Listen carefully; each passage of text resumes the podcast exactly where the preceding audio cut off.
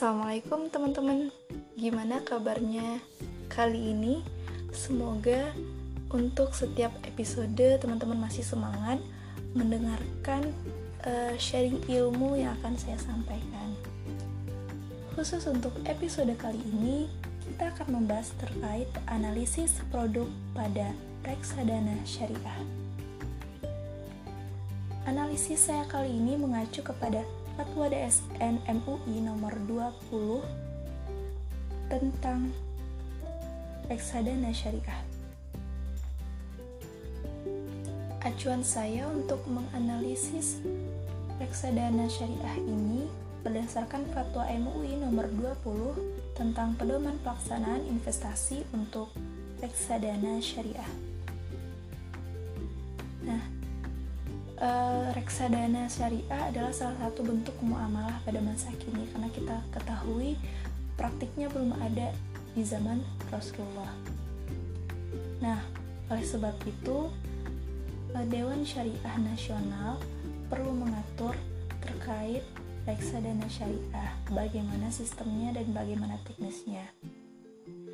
Dalam reksadana konvensional masih banyak terdapat unsur-unsur yang bertentangan dengan syariat Islam, baik dari segi keuntungan, akad, pelaksanaan investasi, dan lainnya. Oleh sebab itu, DSN MUI telah mengatur terkait dengan pelaksanaan reksadana syariah dalam fatwanya nomor 20. Nah, sebelum kita masuk ke dalam uh, pembahasan sekelumit tentang reksadana syariah, kita perlu tahu dulu nih, apa sih sebenarnya yang dimaksud dengan reksadana syariah?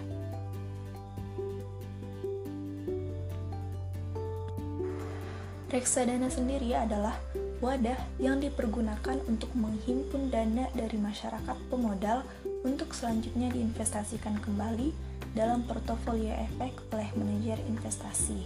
Sedangkan reksadana syariah adalah reksadana yang beroperasi menurut ketentuan, ketentuan dan prinsip syariah Islam, baik dalam bentuk akad antara pemodal sebagai pemilik harta atau sahibul mal dengan manajer investasi sebagai wakil sahibul mal maupun antara manajer investasi sebagai wakil sahibul mal dengan pengguna investasi.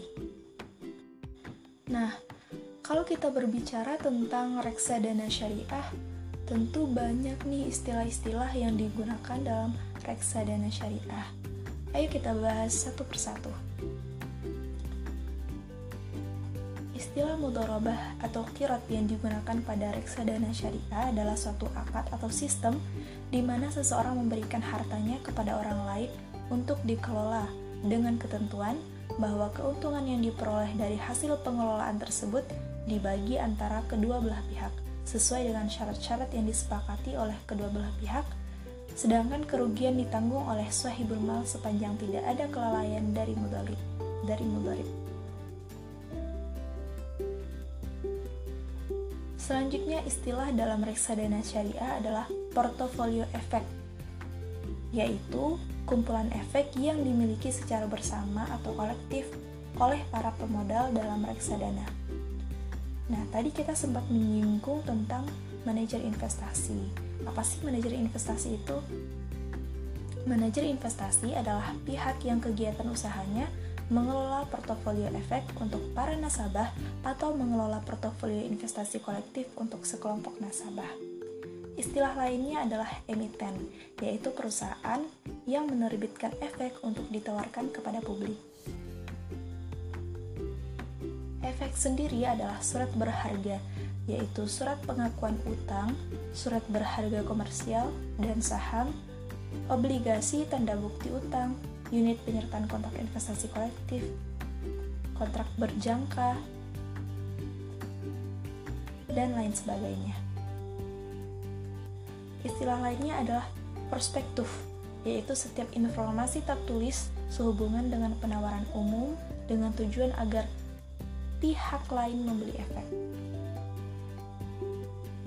Dan istilah yang terakhir ada kita dengar bank kustodian, yaitu pihak yang kegiatan usahanya adalah memberikan jasa penitipan efek dan harta lain yang berkaitan dengan efek serta jasa lain, termasuk menerima dividen dan hak-hak lain, menyelesaikan transaksi efek, dan mewakili pemegang rekening yang menjadi nasabahnya.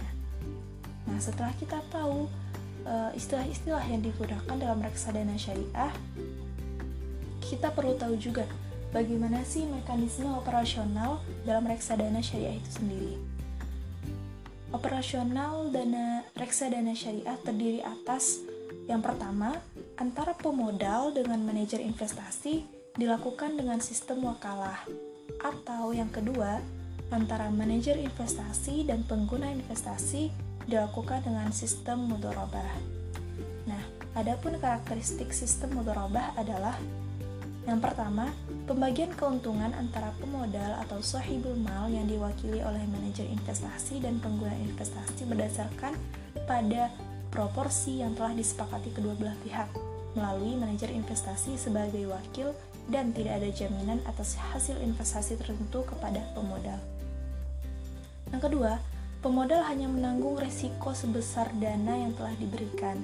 Yang ketiga, manajer investasi sebagai wakil tidak menanggung resiko kerugian atas investasi yang dilakukannya sepanjang bukan karena kelalaiannya.